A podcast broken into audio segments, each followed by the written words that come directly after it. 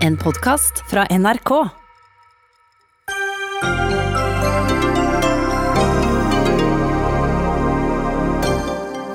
Flere meldinger om oppblomstring av koronasmitte flere steder i landet etter ferien. Likevel vil regjeringen åpne for enda flere utenlandsreiser.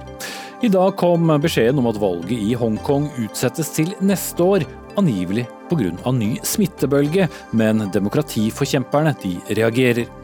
Burde skolebarna skjermes for skjerm? Forfatter kaller politikerne for naive til skjermbrettbruken i skolen. Og det har kommet sparkesykkelspark til Bergen kommune.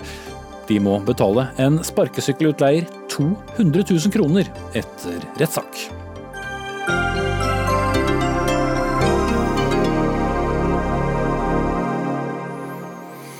Ja, Da sier vi velkommen til ukens siste Dagsnytt 18-sending, også julis aller siste. Jeg heter Espen Aas. I sendingen skal vi også diskutere satsingen på grønn industri, der posisjon og opposisjon kappes om å beskylde hverandre for å være trege, og også diskutere hvem som har skylden for det høye forbruket vårt.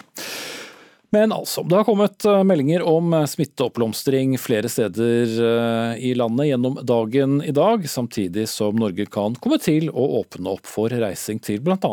enda flere regioner i Sverige i nærmeste fremtid. For all del, smittetallene er fortsatt lave i Norge, men altså på vei oppover flere steder. Og Helsedirektør Bjørn Gullvåg, for å, å rydde litt eh, først. Eh, dere sa på pressekonferansen i dag at eh, det ikke er aktuelt å teste folk som kommer fra såkalt røde land, altså dit vi ikke skal reise, men snarere prioritere de som har vært i de grønne landene, altså de vi kan reise til. Hvordan henger dette sammen?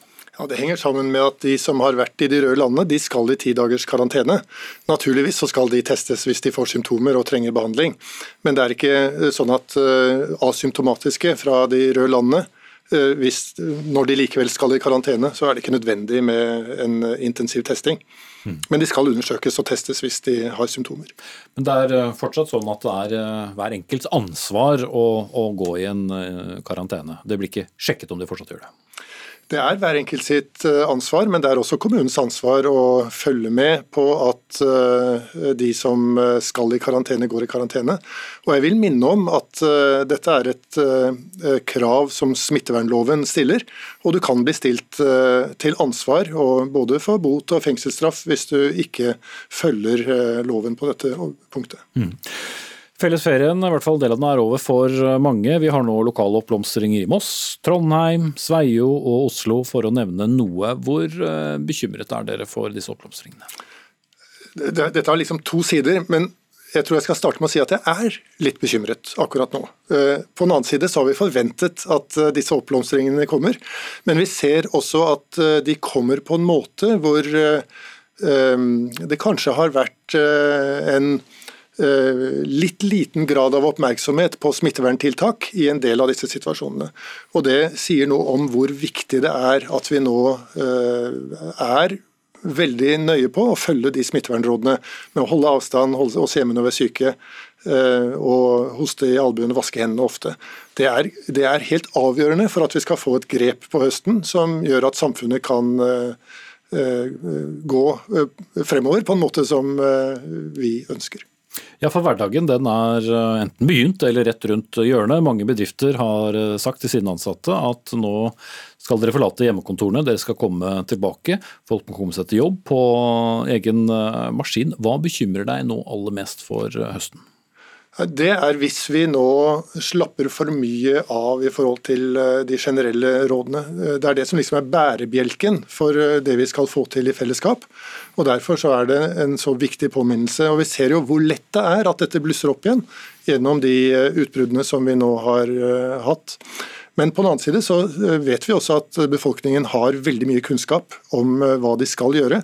Så det ligger enorme ressurser der, og det er viktig at vi tar den i bruk. Og det er viktig at vi ikke kommer inn i en sånn eh, shame and blame, altså en skamtenkning.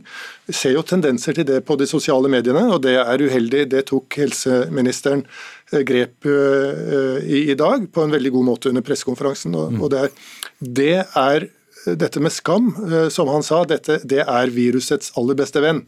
Jeg skal ta det med, med, med Høie når jeg kommer så langt.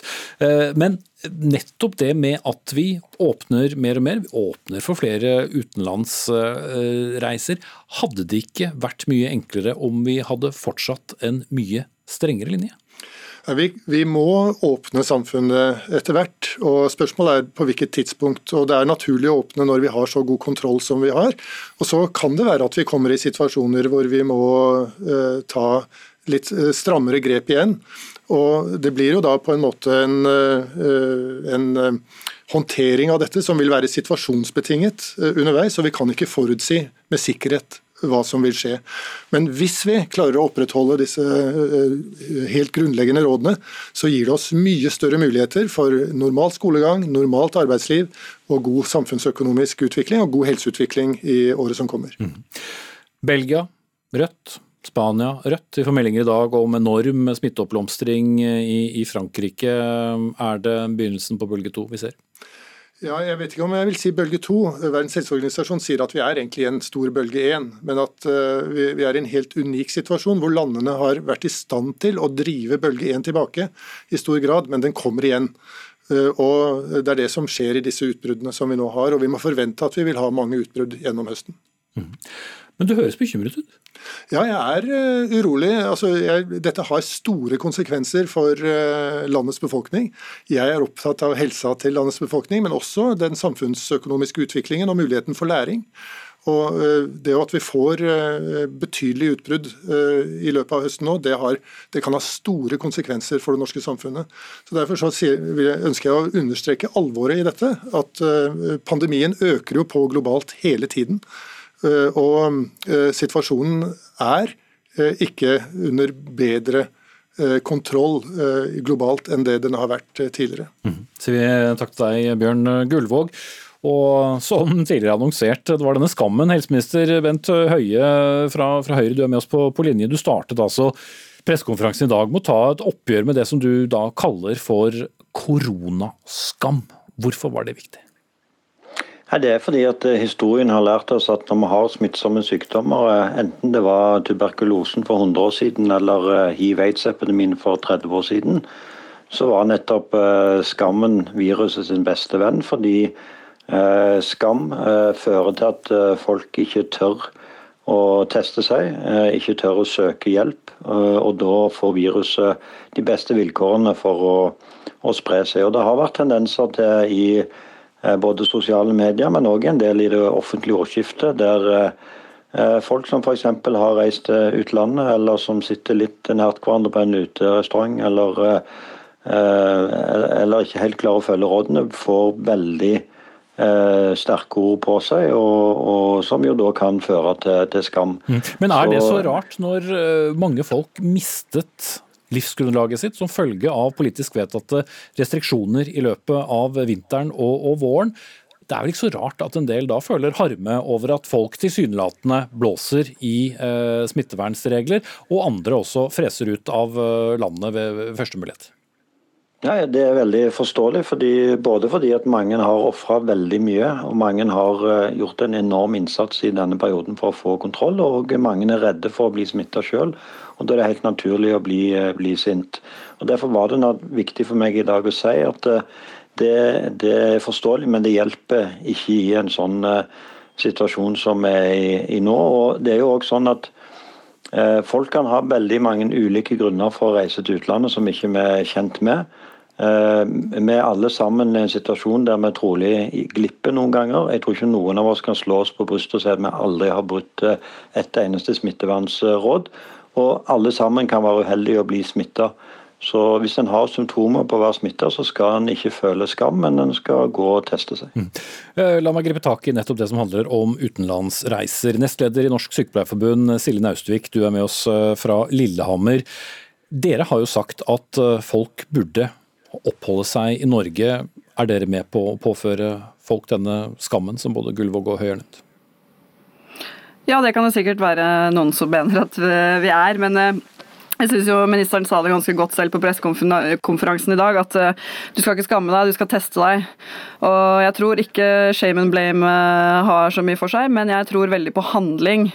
Og Jeg er bekymra for at vi glemmer at vi fortsatt står i en pandemi. Det er fortsatt en verdensomspennende pandemi, det er veldig alvorlig, og vi må ta ansvar for våre egne handlinger. Og det er Kanskje ikke akkurat denne sommeren vi skal reise til, eh, til Spania. Mm. Men burde regjeringen ikke vært eh, så åpen, eh, eller åpnet så mye opp for utenlandsreiser? Jo, der tenker jeg at de har jo fulgt de rådene de har fått av helsemyndighetene, og det, det har jeg respekt for. Men også myndighetene har jo hele tiden sagt at selv om det nå er noen grønne land, så sier vi ikke vær så god, reis på tur. Eh, tenk dere om. Skal man reise til utlandet, så det, er det kanskje fordi du har en spesiell grunn til å gjøre det. Eh, sånn at vi, altså vi må ikke ta lett på den risikoen som vi nå eh, fortsatt står i. og Vi har hatt en utrolig krevende vår bak oss. Og vi deler bekymringen om at vi kan få en krevende høst hvis ja. vi ikke klarer å holde dette tilbake. For Da jeg snakket med deg på telefon eh, tidligere i dag, eh, Naustvik, så var det nettopp det du stilte spørsmål i. Hvis eh, vi nå skulle få en smitteoppblomstring, samtidig som vi skal gjennomføre alle disse operasjonene og oppfølgingene som vi har satt på vent gjennom, sommeren, nei, gjennom vinteren og, og våren, så er dere tvilsomme til at vi har en beredskap som er god nok? Ja, altså det, Jeg frykter for konsekvensene for liv og helse hvis vi både Det er eh, mange hundre tusen konsultasjoner og avtaler i spesialisthelsetjenesten som har blitt eh, avlyst eller utsatt. De skal vi nå ta igjen i høst. I tillegg som vi skal forhåpentligvis komme oss opp på normaldrift igjen. Hvis vi da på toppen av det skal få en pandemisituasjon, en pandemitopp til, det er jeg ganske sikker på at det har vi rett og slett ikke kapasitet til. Så det må vi unngå hvis vi skal klare å ta igjen alle de konsultasjonene som har vært eh, avlyst. Mm, det, og det er jo ikke sånn Høie til å svare på det. Høie på, på det først. Nei, her synes jeg at Sykepleierforbundet kom med et veldig viktig poeng. Eh, nettopp at eh, Hvis vi får en eh, bølge til, så innebærer ikke det bare en risiko for de som blir smitta og de som er i risikogruppen. fordi at med Erfaringen med oss er jo dyrkjøp på dette området. Det er jo nettopp at i en sånn situasjon så vil veldig mye av ressursene i helsetjenesten vår gå med på å håndtere pandemi. og Helsetjenesten er jo en stor samfunnssektor. Det betyr at eh, blir det økt smitte i samfunnet, så er det jo mange av de ansatte i helsetjenesten som enten blir smitta eller havner i karantene. og Da går det utover alle pasientene. Eh, og Hvis det skjer over lengre tid, så, så kan det òg få eh, alvorlige konsekvenser for liv og helse for andre pasienter enn de som har covid-19. og Det er derfor det er så viktig, som Sykepleierforbundet her inne på, at vi alle tar et ansvar og følger smittevernreglene. At vi tenker så nøye om. og Vi har aldri oppfordra folk om å reise til utlandet denne sommeren. Tvert imot, vi har sagt at det tryggeste er å feriere i Norge. De aller fleste grønne land i Europa har høyere smitte enn Norge, selv om Norge er et av de landene i Europa som har de strengeste kriteriene for å bli et grønt land. Men mange opplever likevel det som en eh, dobbeltkommunikasjon. Dere åpner eh, opp grensene samtidig som dere sier eh, helst ikke reis. Ja, men det er jo sånn i samfunnet vårt at selv om noe er lov, så er det ikke nødvendigvis sånn at en skal gjøre det. Og, og, og, og hver enkelt må vi ha hele veien vært nøye på å se, hver enkelt må tenke gjennom situasjonen. Men så er det hundrevis av gode grunner for å reise. Og det å ha stengte landegrenser har òg store negative og helsemessige og sosiale eh, konsekvenser. Det har vi jo òg fått, eh, fått, erfart. Folk eh, har mista jobben, folk har vært permittert over lengre tid. Folk har ikke fått møtt kjæresten sin, den de elsker, barna sine, foreldrene sine. Mm. Og mange har også bare reist på ferie eller, eller ja, handletur. Det, det, men det er jo nettopp det som er litt av dilemmaet. at eh, Vi ønsker jo å ha et så åpent samfunn som mulig, men samtidig ivareta smittehensyn. Men vi sier jo hele veien at eh, ser vi konturene av nye bølger, så er vi beredt til å stramme inn igjen. og Nå håper vi at vi kan få kontrollen ved å slå ned smittespredningen lokalt. Men da er vi veldig avhengig av at hver enkelt tar ansvar, og ikke minst at en tester seg hvis en har symptomer. Veldig kort til slutt, Naustvik i Sykepleierforbundet. Burde regjeringen eh, og helsemyndighetene heller være litt for strenge enn litt for rause? Eh, ja, det bør de egentlig, fordi det er fortsatt veldig alvorlig. og det er, Jeg minner om at det er fortsatt ingen behandling, det er fortsatt ingen vaksine.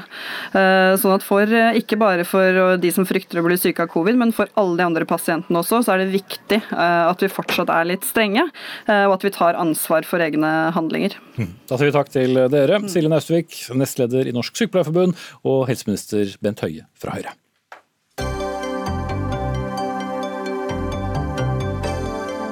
Hør Dagsnytt 18 når du vil. Radio NRK Radio.nrk.no.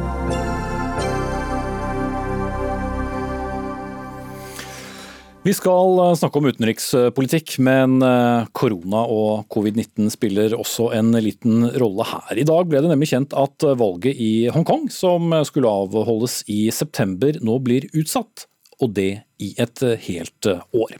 Regjeringsleder Carrie Lam eh, begrunner utsettelsen med økt smittespredning av nettopp koronaviruset. Men flere demokratiforkjempere tror egentlig det hele handler om noe ganske annet, nemlig å avverge oppslutningen om opposisjonen, som kunne forvente gode valgresultater. Og Jessica Chu, du er leder av Hongkong-komiteen i Norge. Du er selv fra Hongkong og følger denne utviklingen. Hvordan var reaksjonen på denne beskjeden om en utsettelse i et helt år? Vi fikk dette beskjed ganske nylig. Eh, det var eh, Hongkong klokka eh, seks i kveld. Og, men det var en meningsmåling som var gitt ut tidligere i dag i Hongkong, og sa at 55% av folk i, um, som deltar i undersøkelsen, støtter at faget skulle være den som er planlagt i september i år, mens 36 er mot den. Mm. Eh, det har jo vært eh, en veldig spent eh, situasjon i Hongkong, ikke minst pga. visse lovendringer som bl.a. gjør det mye mer risikabelt å produsere mot det kinesiske regimet. Hvordan vil nå denne beskjeden påvirke situasjonen? Egentlig folk er litt frustrert for situasjonen nå. Fordi det har skjedd mye ting som er i forbindelse med den sikkerhetsloven i det siste. Um, blant annet i, um, det er tolv stykker fra den uh, pro-demokratiske uh, kampen i Hongkong som har blitt diskvalifisert til å stille i valg, uh, uansett om det blir utsatt i året. Um, og i dag så er det seks aktivister som har egentlig flyttet fra Hongkong, som er blitt uh, ønsket offisielt av politi. Blant annet uh, Nathan Law, Simon Jang og en som uh, Simon Ju, som er leder for Hong Kong Democracy Council, som egentlig er en statsborger i mm. USA. Eh, men likevel, ut fra at sikkerhetsloven har uh, trådt uh, i kraft, man får ikke endret den nå, hvor mye ville dette valget hatt å si? Um, folk i Hongkong vil ha en demokratisk valg til å velge som kan, hvem som kan representere de i parlamentet. Og uten en valg så kan ikke myndigheten i Hongkong um, ha en referanse til hva folk syns. Og det er ikke noe um, offentlig muligheter til at folk kan gi sin mening, fordi protestene er ikke lov pga. korona. Mm. Trine Skei Grande, stadig Venstre-leder, med oss uh, på linje. Du er en av mange som har engasjert deg i denne saken. Kjøper du begrunnelsen om uh, ny smittebølge som uh, god begrunnelse for å utsette valget et år? Nei, jeg tror nok det er helt andre grunner som, eh, som vi her egentlig ser. Eh, I en så, så, heftig diskusjon som det har vært, og så viktig som dette valget faktisk er, så er det ganske oppsiktsvekkende at vi, at vi ser en sånn type utsettelse. Det er jo nesten det Trump kunne ha drømt drømt om, som nå kineserne bare viser at de kan gjennomføre.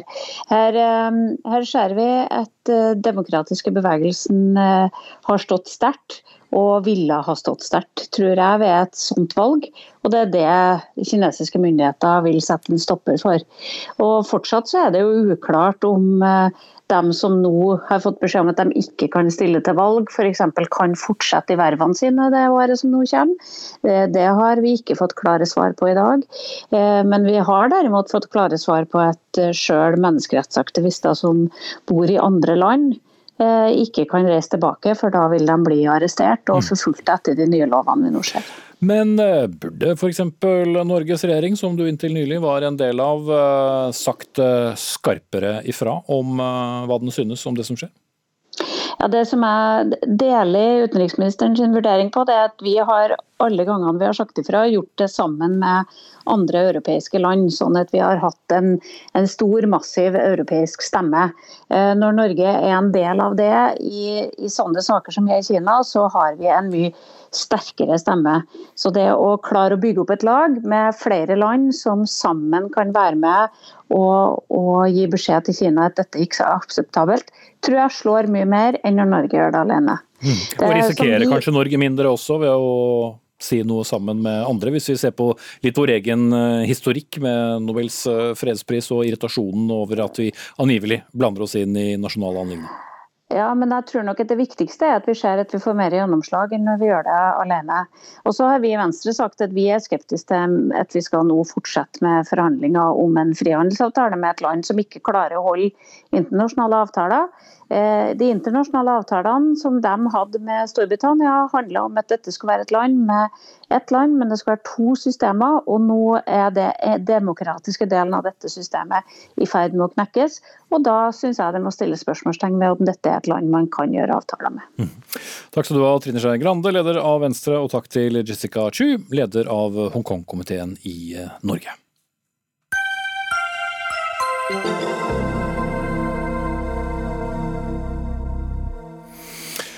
Følgende setning er ikke uttalt av programleder, men refereres kun, og den går som følger. Erna Solberg har kastet vekk sju år. Det har ikke vært nok trøkk på det grønne skiftet. Det var Arbeiderparti-nestleder Hadia Tajik som sa det i Politisk sommerkvarter her i NRK, og denne uttalelsen fikk det til å koke i Nærings- og fiskeridepartementet. Lucy Sunde Eidem, statssekretær i Nærings- og fiskeridepartementet fra Venstre. Hva er feil?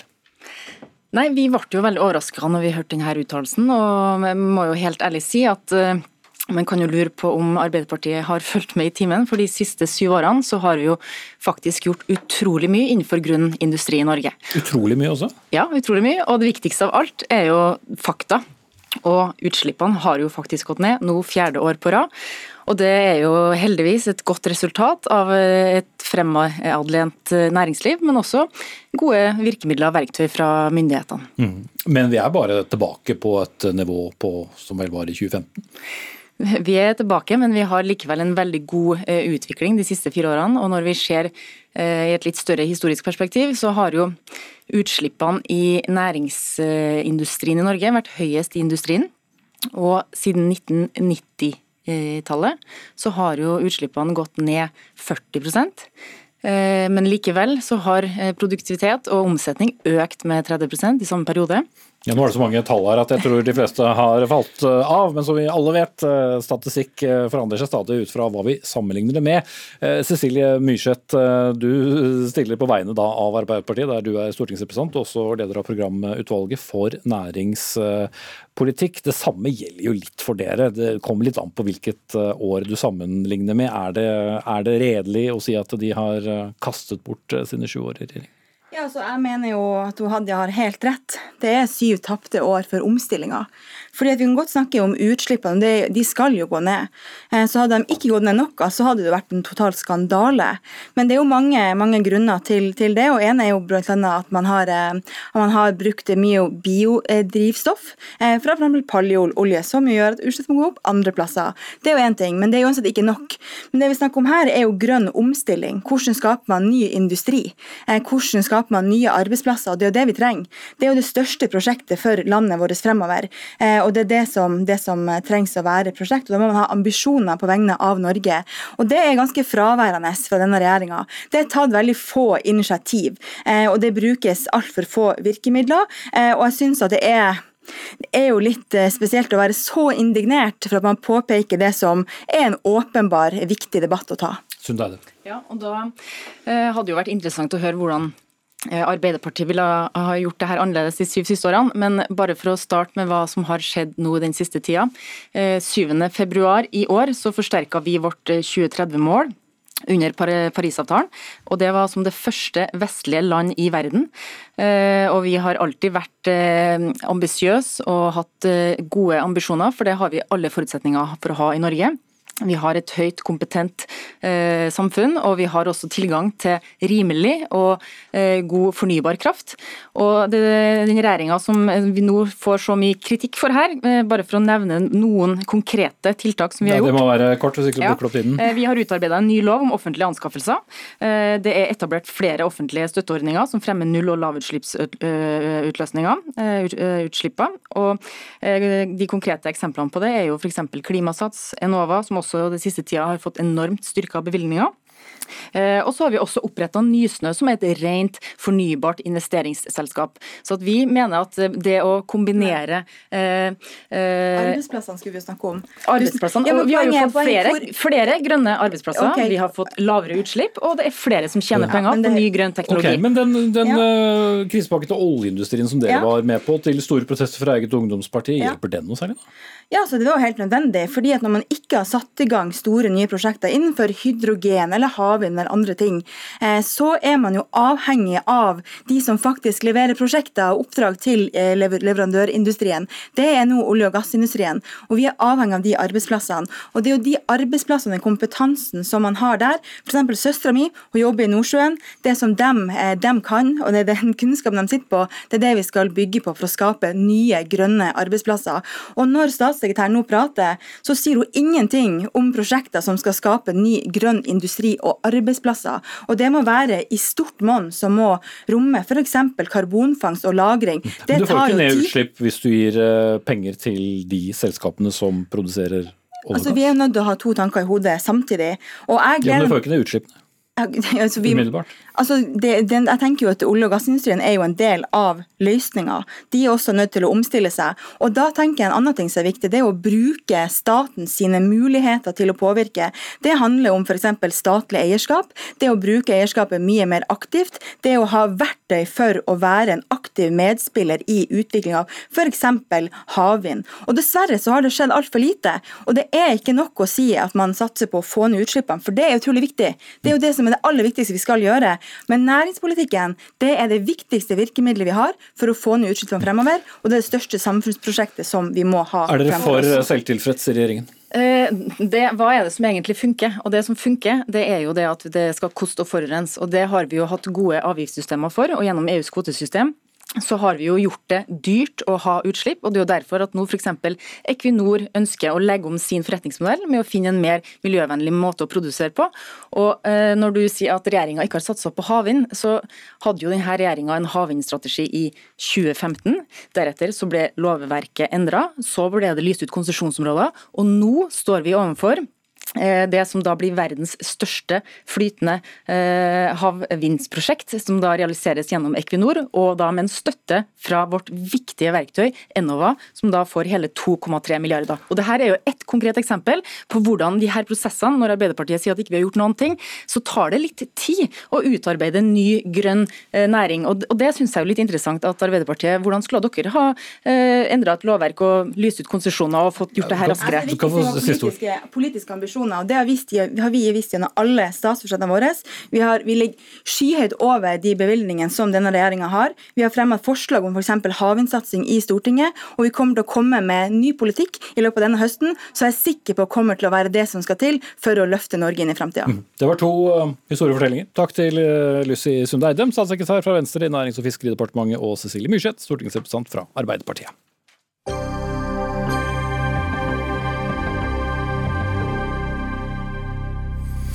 Bergen kommune ville fjerne elektriske sparkesykler, eller løpehjul som man sier på den kanten, i sin egen by, men fikk ikke medhold i retten og må nå betale nesten 200 000 kroner i saksomkostninger. Vi skal snakke mer om det om litt, men eh, nå skal det handle om skjerm. For det er bare noen uker til hundretusenvis av uh, unger, elever, tropper opp på skolen etter sommerferien, og mange tropper opp og slår på nettbrettet, som jo er blitt en integrert del av undervisningen.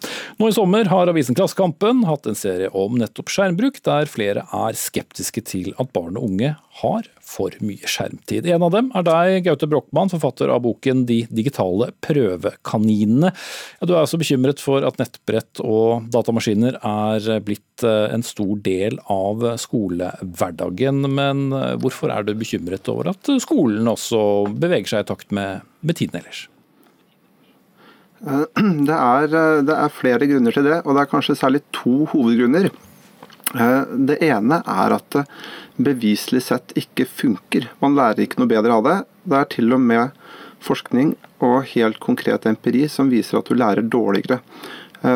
PISA, som da er de testene som mye norsk undervisningspolitikk baserer seg på, de har rapporter som viser at land og skoler med signifikant mer bruk av digitale hjelpemidler enn andre skoler, de skårer dårligere. Norge som bruker veldig mye digitale hjelpemidler, skårer dårligere enn Finland som bruker mindre, f.eks.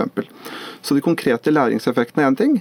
Og det andre er at hvis du får skjermer, personlige skjermer til barn helt ned i fem år på skolen, så opplever veldig mange foreldre at det blir en sten til byrden når det gjelder skjermbruk hjemme, som allerede er en kjempeutfordring, uh, uavhengig om barna har skjerm i skolen eller ikke.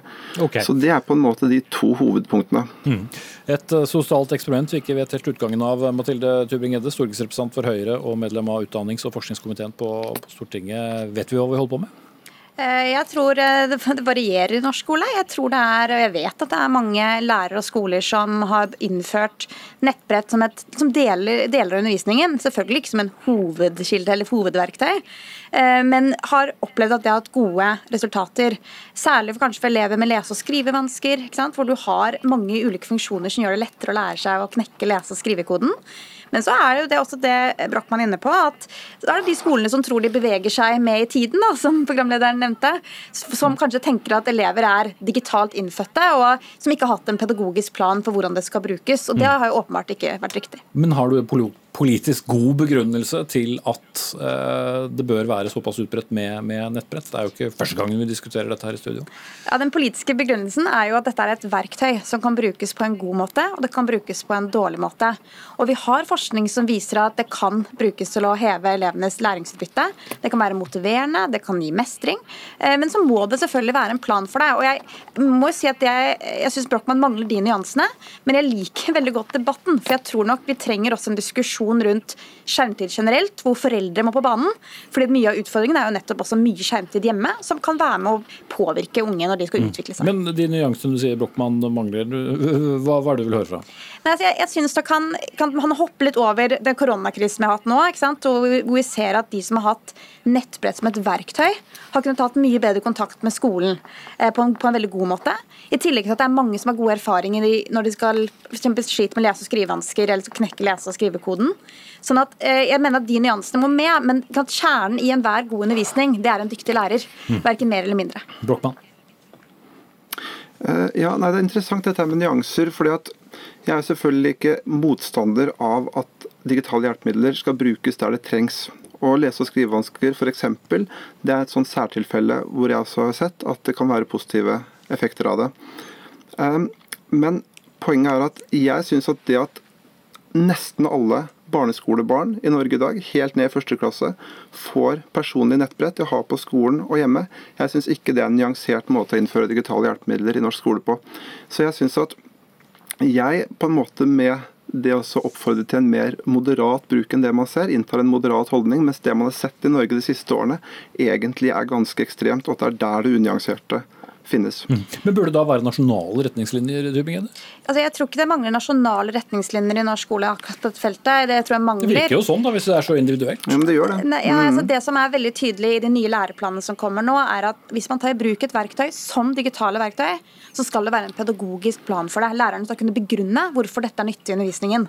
Og Der er jeg helt enig med Brochmann, at her har det vært altfor store variasjoner i norsk, norsk skole. Og det er den, den, kritiske debatten på lærerværelset og i lærerkollegiet, det har vi mangla illa. Eh, men jeg tror den debatten dukker opp nå pga. stemmer som Brochmann. Og at man får en mer kritisk og riktig diskusjon. Men det blir vel likevel ganske individuelt hvis eh, den debatten skal være på hver enkelt skole og hvert enkelt lærerværelse? Jo, men det er også litt sånn spørsmål. Ikke? Hvis jeg skulle eh, satt et makstak da, på antall minutter man skal bruke på skjerm, så kan det godt være at jeg stopper en lærer fra å bruke det på en uheldig måte, men også hindrer en lærer som man bruker det på en god måte. Ikke sant? Så, men jeg tror nok her det vi trenger er en sterk og liksom, lærere som har kompetanse i å ta det i bruk på en riktig måte. Og så må vi unngå det som Brochmann er inne på, nemlig kommuner som på det går til innkjøp på nettbrett, og så begynner man å diskutere om man har kompetanse og en plan for hvordan det skal brukes. Mm. Ja, for Det er vel ikke nettbrett i seg selv nødvendigvis du bekymrer deg mest for, eh, Brochmann, men det er vel hva og hvordan det brukes? Eh, det er ganske interessant, for Når man diskuterer dette, når jeg har snakket med en del mennesker om det, så sier man ofte at problemet handler ikke om nettbrett, det handler om at man bruker det feil. Det er feil bruk. Det har man satt digitale hjelpemidler i norsk skole i 40 år nå. Vi får ikke resultater pga. at det er digitale hjelpemidler. Det er feil bruk. Man tør ikke å si at det å ikke bruke det kanskje i en del tilfeller er bedre. Og Når det gjelder nasjonale retningslinjer, så tror jeg at det er veldig viktig å få på plass nasjonale retningslinjer. Fordi at nå har man Eh, man har en et sett med grunnleggende ferdigheter, der digitale ferdigheter er en av dem, som skolene skal prøve å oppfylle på en eller annen måte. Man har kjempesterke interesser i IT-bransje, forlagsbransjen som pusher på. Og man har fått en politisk eh, konsensus om at dette er bra og at digitalisering er bra. Og så sitter lokale skoleledere og skal prøve å håndtere dette her. Og da er det et voldsomt press Særlig ettersom så mange andre skoler allerede har innført det, om å innføre det, selv om de kanskje egentlig ikke vet nok, har et kunnskapsgrunnlag, har forutsetninger for å ta den avgjørelsen. Ja. Og Derfor så utfordrer jeg selvfølgelig nasjonale politikere på dette. her. De må komme opp med en norm, og før de kommer opp med en norm, så må de skaffe seg kunnskap. Og Sånn som det har vært fram til i dag, og den skolestarten her, så er begge de to tingene eh, fraværende. Hva, hva, taper på, hva, taper vi på, å, å begrense bruken? Nei, Det vi taper, er jo et verktøy som kan være nyttig i en, i en del klasserom og for noen og, for noen og flere elever. Kan. Uh, ja, altså kan. Mm. Alt, alle verktøy i skolen kan. Uh, men så vil jeg si at jeg mener nok at det politiske konsensuset Brochmann uh, undersøker, den tror jeg nok er litt i bristepunktet, i hvert fall. For jeg er ikke en del av den politiske konsensuset. Jeg mener jo at vi har kanskje hatt en sånn digitaliseringen for digitaliseringens skyld i norsk skole, som har vært uklok. Og at man må kunne begrunne det pedagogisk hvis man tar det i bruk. Så sånn sett så har Brochmann fått gjennomslag. Mm. Skal vi kalle det en skjerm? Offensiv. Takk til Gaute Brochmann og Mathilde Tubringede.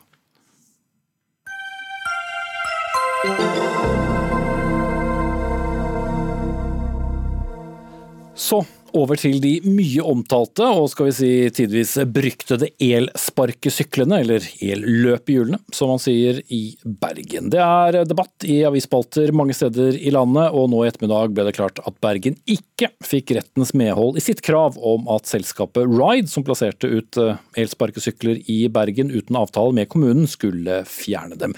Kommunen endte i stedet opp med å måtte betale saksomkostninger på nesten 200 000 kroner. Og Tor Håkon Bakke fra MDG og byråd for klima, miljø og byutvikling i nettopp eh, Bergen. Hvordan syns du dette gikk? Nei, altså Den uh, rettsavgjørelsen som vi har fått i dag, er kjempegod. Bergen som første kommune har fått en bekreftelse fra retten på at det er kommunen som bestemmer om det skal tillates utleie av elløperhjul fra kommunale byrom og parker og veier. Så Rettens konklusjon det er at kommunen har full rett i dette spørsmålet. At Ride, uh, som er den aktøren vi er i konflikt med Bergen, at de trenger tillatelse fra oss som grunneier for å drive med utleie. Mm, du kan ikke eh, fjerne uh, dem? Nei, de har kommet frem til at vi i en etterfølgende rettssak, altså videre i rettsprosessen, at vi kommer til å vinne den. Og Jeg har i dag sett en jusprofessor blant annet, som har uttalt seg om dette her, som mener at kommunen nå kan samle inn syklene med loven i hånd. Så det at Ride er litt tøff i trynet i dag, det syns jeg er rimelig spesielt. For det, er det eneste som retten egentlig da har kommet frem til, det er at vi per dags dato i dag, at den virksomheten de har i dag, at den ikke må opphøre umiddelbart, men at det må vente til seinere. Og på det punktet, altså på det sentrale her, må man ha avtale, tillatelse fra kommunen for å holde, med, med, eh, holde, på med kommersiell virksomhet på offentlig gategrunn. Der har retten gitt oss all rett. Mm. Nå snakket vi med Rides advokat, som opplyser at selskapet er fornøyd med å ha fått medhold i retten, som de sier. da, Det er to historiefortellinger her også, gitt. Eh, og at retten har vektlagt alle de holdningsskapende tiltakene som de har iverksatt. Og Utover det så ønsket da ikke verken selskap eller advokat å delta i Dagsnytt 18. Men det er jo et fremkomstmiddel som er fryktelig populært. Det er jo bl.a. derfor så mange forarger seg over at de befinner seg absolutt overalt. Så hvordan er den ideelle situasjonen med el-løpehjul eller sparkesykler i Bergen? Nei, altså Bergen kommune har jobbet f.eks. med et prøveprosjekt i Åsane, en ytre bydel, hvor vi mener at elløpehjul kan ha mye for seg. F.eks. til å løse den utfordringen mange har til å komme seg fra hjemmet sitt til nærmeste kollektivknutepunkt. Eh, der kan definitivt denne teknologien ha veldig mye for seg. og Også Transportøkonomisk institutt oppfordrer kommunene til å ha et pilotprosjekt. og Det er det vi har jobbet ut ifra. Men det er ikke sånn at eh, det er utydelig hva retten har kommet eh, frem til i dag. og Derfor mener vi at Ride bør utvise alminnelig folkeskikk og avslutte den rettstridige virksomheten de har på gang nå. Det er ganske spesielt å ikke forholde seg til retten og det politikere og kommunen sier, og det innbyggerne sier. Vi lar den rettsavgjørelsen ligge nå, i og med at motparten ikke er her, men eh, forflytter oss til en annen eh, storby der eh, elsparkesyklene skaper mye debatt, nemlig Oslo. Og miljøpolitisk statsperson i Oslo Arbeiderparti, Andreas Halse, du skriver på Facebook i dag at det er utrolig trist og frustrerende å se hvordan elsparkesyklene er blitt en plage i bybildet. Men det mange svarer er hvorfor gjør ikke kommunene da noe med det? Nei, fordi vi har oppfattet at vi ikke har hatt rett til det. Eh, og fordi staten og regjeringa flere ganger har sagt at eh, de, de, er usikre på hva vi har rett til, og, at, eh, og har ment at vi ikke har rett til det. Dette starta jo allerede i januar i 2019 hvor vi begynte å skjønne at dette kommer til Oslo. Eh, vi hadde lyst til å sette i gang med reguleringer. Eh, vi fikk klare juridiske råd om at eh, det har vi veldig begrensa muligheter til å gjøre. Og vi hadde en Frp-statsråd som var helt tydelig på at man ikke ønsket at det skulle reguleres. og Det var en helt bevisst ønske fra Fremskrittspartiet den gangen. Mm. Men det virker jo som både Bergen og også Trondheim er mer aggressive mm. i denne saken enn f.eks. Oslo kommune? Jeg syns vi har vært ganske aggressive. Vi bruker massevis av penger på å prøve å rydde opp i, eh, med byvaktene våre som går rundt og prøver å rydde ut. Men det er 12 000 sparkesykler i Oslo nå. Det er så mange at det er for mange til at kommunen kan klare å, å ordne dette. Eh, vi må ha en langt sterkere mulighet til å stille krav og vilkår for de som skal drifte eh, hos oss. og ha det soleklart fra regjeringens side at vi får lov til å bestemme hvordan det skal være i våre gater. Og Inntil det kommer på plass, så lar dere det være som det er, da? eller? Nei, Vi prøver jo å gjøre det vi kan. Vi har laget et uh, frivillig regelverk som vi lagde i fjor, som alle aktørene blir veldig godt informert om hvordan vi ønsker at det skal være. Uh, men det er jo dessverre sånn at de i for liten grad tar det ansvaret selv.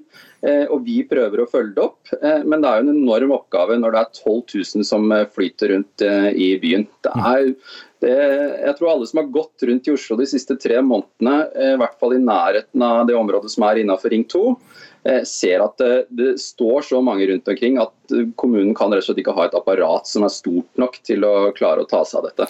Ingelin sånn Noresjø, du er statssekretær i Samferdselsdepartementet fra Kristelig Folkeparti. Eh, pekes stadig på dette, for det er nasjonale retningslinjer på hva som skal skje i kommuner. Hvorfor må det være sånn, når det er så mye frustrasjon eh, i de forskjellige kommunene?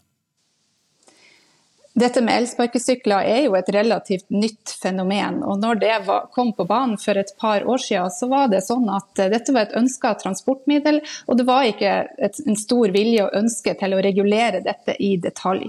Fordi at man hadde tillit til at både selskapene som tilbydde dette, og brukerne skulle eh, ta det i bruk på en fornuftig og god måte. Men nå er det absolutt det. Nå er det ikke sånn. Nå har vi fått erfaring med dette over denne sommeren og sommeren i fjor. Jon Georg Dale, som var samferdselsminister i fjor, var ganske tydelig til eh, selskapene om at hvis ikke dette ble regulert og håndtert på en god måte, så kom det innstramminger. Nå ser vi at disse innstrammingene er helt nødvendige. Og Samferdselsdepartementet har allerede tatt grep. Vi er i gang med å eh, endre på eh, forskriftene til det lovverket som vi har, og dette skal sendes ut på høring. Men jeg har lyst til å understreke at det er ikke bare vi som har et ansvar. Her har selskapene et stort ansvar, byene har et ansvar, og ikke minst har også brukerne av elsparkesyklene et stort ansvar. Man må passe på at man ikke skader verken seg sjøl eller andre. Det vi ser nå er rett og slett ikke holdbart. Ja, Tor Håkon Bakke i Bergen, eh, hva vil du se fra sentrale myndigheter? Nei, altså Dette er egentlig ikke så veldig komplisert. Det er jo egentlig staten som skulle saksøkt denne aktøren vi har i Bergen, i Ride. Eh, det som er Virkeligheten for oss er jo at vi forholder oss til aktører som sier at vi ikke kan regulere dem.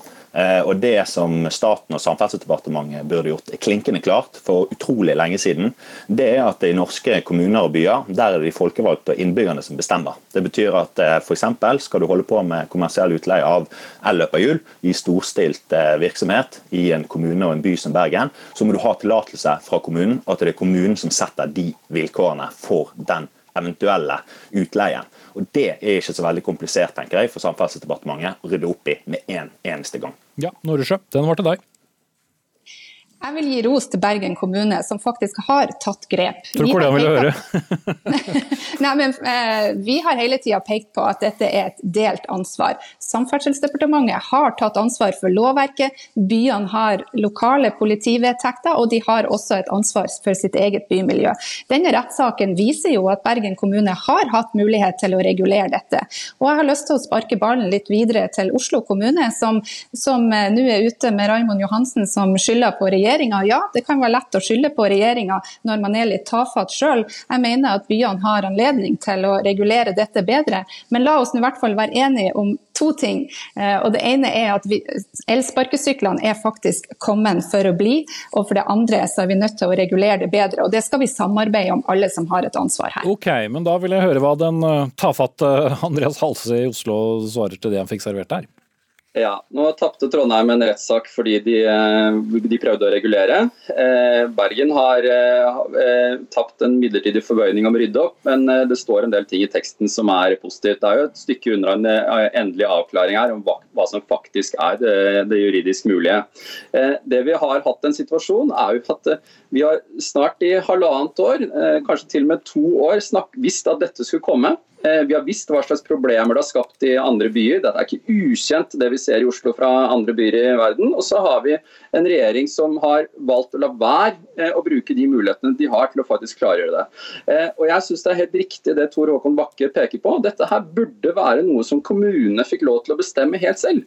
Det er jo litt vanskelig å forstå hvorfor vi trenger nasjonale regler for dette. Hvorfor ikke hver enkelt by kan få lov til å bestemme hvordan de skal ha det. Mm. Så kan det hende at vi kommer til å ha litt forskjellige regler regler i Oslo, Bergen, Trondheim og Stavanger, men det er jo en del av det lokale selvstyret.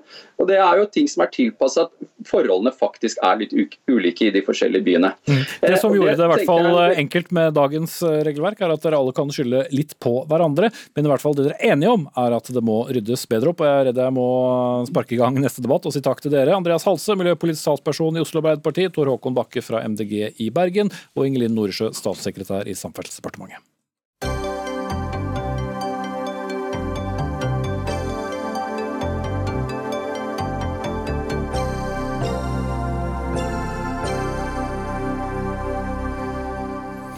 Vi skal eh, tilbake til skolen igjen, vi og lærerutdanningen, som tilsynelatende ikke er så populær som før. For antall førstevalgsøkere til skole- og barnehagerettede lærerutdanninger falt samlet sett med 6,9% viser tall fra Samordna opptak. Og det mener du, Steinar Larsen, lektor ved Hamar katedralskole, er fordi norsk skole er nitidig detaljstyrt, lønner lærerne for lavt og bedriver en kritikkverdig personalpolitikk preget av elendig arbeidsforhold. Det var litt av en salve i eh, Vårt Land i dag. Jeg må korrigere en ting. Jeg har slutta ved Hamar katedralskole, jeg jobber ikke der.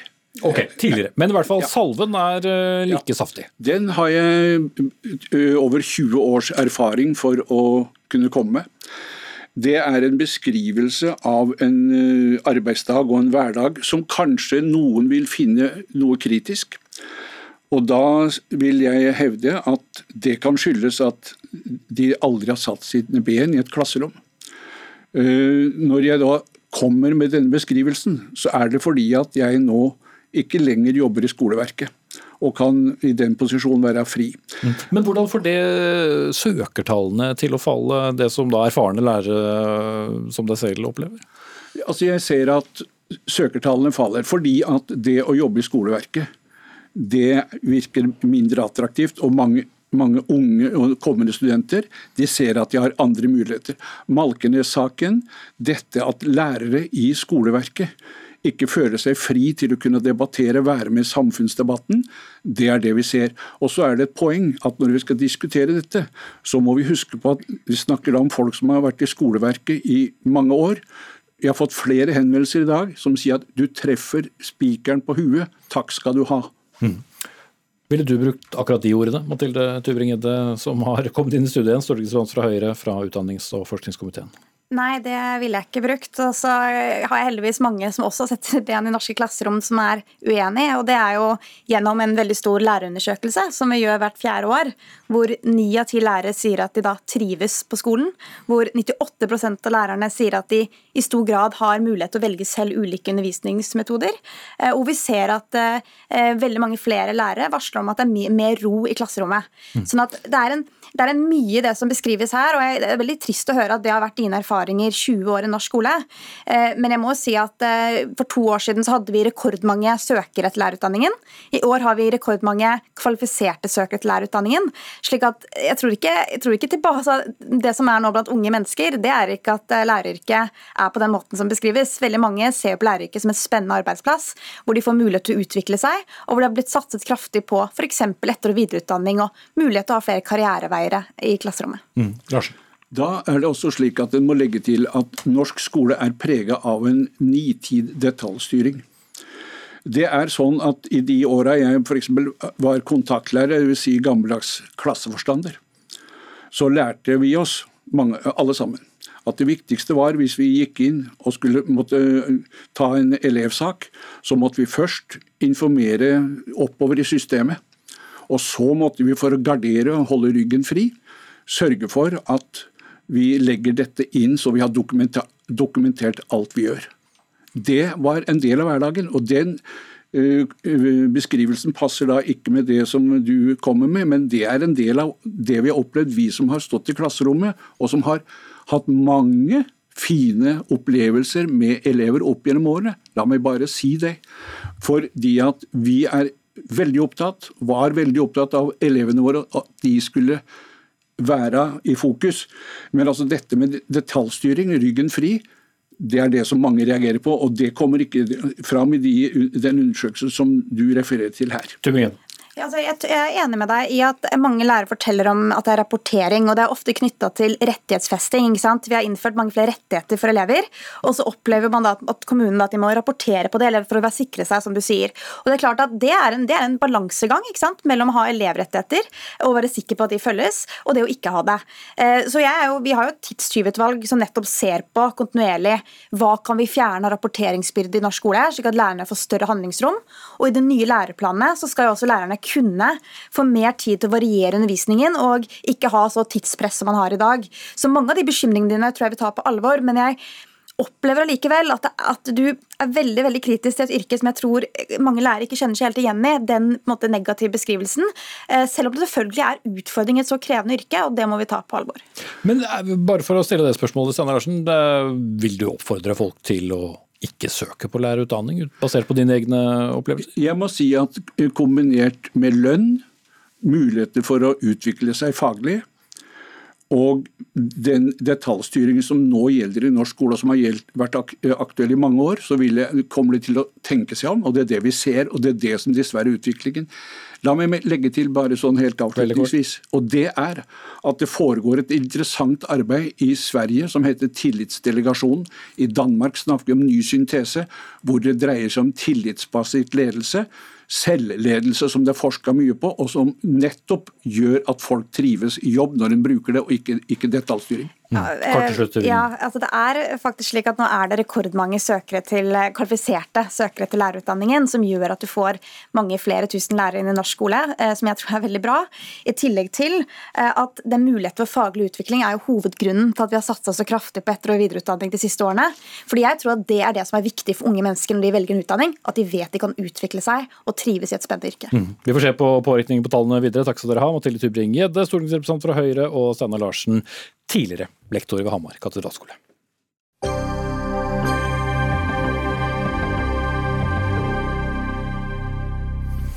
Så skal vi snakke om eh, vårt felles forbruk. 22. august. Ja, det er en eh, dato 22 dager frem i tid, men også datoen for når verden har levd over jordens evne i år. Ja, Det er i hvert fall ifølge et anslag som tenketanken Earth Overshot har, de har utarbeidet i samarbeid med flere miljøorganisasjoner. Men hvis alle i verden hadde hatt det samme forbruket som vi nordmenn, ja da hadde vi gått til forbi jordas tåleevne allerede 18. april. Datoene er, for å understreke det, beregnet ut fra forbruket i fjor, og inkluderer bl.a. CO2-utslipp og forbruk av mat. Og Knut Kvikstad, medlem av programkomiteen i Miljøpartiet De Grønne. Du vil ikke skylde på hver enkelt av oss, men beskylder rett og slett eh, regjeringen for ikke å klare å få ned forbruket. Hvordan skulle den regulert hver enkelt av oss? Nei, jeg mener det er helt åpenbart at uh, dette her er et uh, kritisk miljøproblem som skaper naturødeleggelser i hele verden, som skaper store utslipp, og som også er en årsak til store globale forskjeller. Ok, men Hva skulle regjeringen gjort? Dele mer på ressursene. Regjeringen bør, eh, For det første bør de erkjenne at dette er et problem. Hittil har de fleste politikere fra store partier løpt av gårde hver gang det blir en debatt om forbruk. De har liksom ikke lyst til å snakke om det. Men eh, det man må gjøre nå, er at man bør starte med å vedta at vi må få forbruket ned på et bærekraftig nivå som også er sosialt rettferdig. Og så må man iverksette tiltak. og Vi har en, eh, en ganske solid liste i vårt eh, første programutkast. Det... Som jeg gjerne kan ta noen eksempler fra. Ja, det er jeg redd vi ikke har. Jeg skal sparke ballen over til Mathias Fischer. Bare si at Vi har en litt dårlig linje til deg, Kvikstad, så det falt litt ut. Men jeg tror vi har fått med oss essensen. Mathias Fischer, statssekretær fra Venstre i Klima- og miljødepartementet. Erkjenner du og dere at eh, vårt forbruk i Norge er for høyt? Jeg vil ikke erkjenne at forbruket er for høyt. Det globale forbruket av eh, enkeltmaterialer er for høyt, og klimagassutslippene som kommer som følge av produksjon og transport av de, eh, de varene og de produktene, er problemet nordmenn forbruker veldig mye. og det gjør de ikke, altså I den grad det er regjeringens feil, så er det fordi at det går godt i norsk økonomi og nordmenn har mye penger. Så mener jeg vi må kunne gå ganske godt inn og se hvor er det utslippene kommer fra. Hvilke ressurser er det vi tapper og som er ikke-fornybare og som vi derfor må begrense bruken av. Og Der er det veldig mange muligheter. Der jobber regjeringen for en handlingsplan for sirkulær økonomi for eksempel, skal, hvor vi skal jobbe for at vi bruker ressurser på en bærekraftig måte. Det er ikke et problem å forbruke, det er et problem i produksjon av varer og det er et problem i utvinning av ressurser som man tapper fra kloden. Mm. Er det slik du vil høre, Kvikstad? Eh, problemet her er at man har hatt handlingsplaner i veldig mange år som man ikke har gjennomført på. Vi har visst at dette har vært et problem lenge, men hvis man erkjenner at vi må ha forbruket ned, så kan man gjøre ting med en gang. Man kan f.eks. fjerne avgiften, også merverdiavgiften på reparasjoner allerede i statsbudsjettet til høsten. Da blir det billigere å reparere, og man kan ta vare på tingene sine lenger istedenfor å kjøpe nytt. Det er ett eksempel. Et annet eksempel er å stille krav til at uh, man lager produkter av høy kvalitet, som gjør at uh, man slipper å kjøpe nytt hele tiden. Og så må vi også erkjenne at eh, en del ting må bli litt dyrere. For eh, det er sånn at eh, i dag så har vi en økonomi som ikke reflekterer de reelle miljøkostnadene ved å produsere en vare. Og da skyver okay. vi bare de kostnadene over på neste generasjon.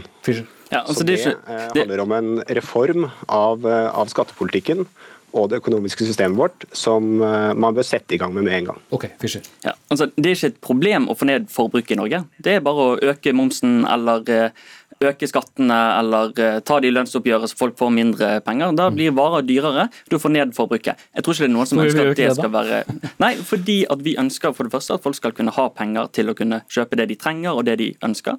Og det at man har et forbruk i seg selv er derfor ikke problemet så mener jeg at her må vi kunne se mye større på det enn det å snakke om moms på reparasjoner. Vi må se de nye forretningsmodellene som kommer i en ny økonomi.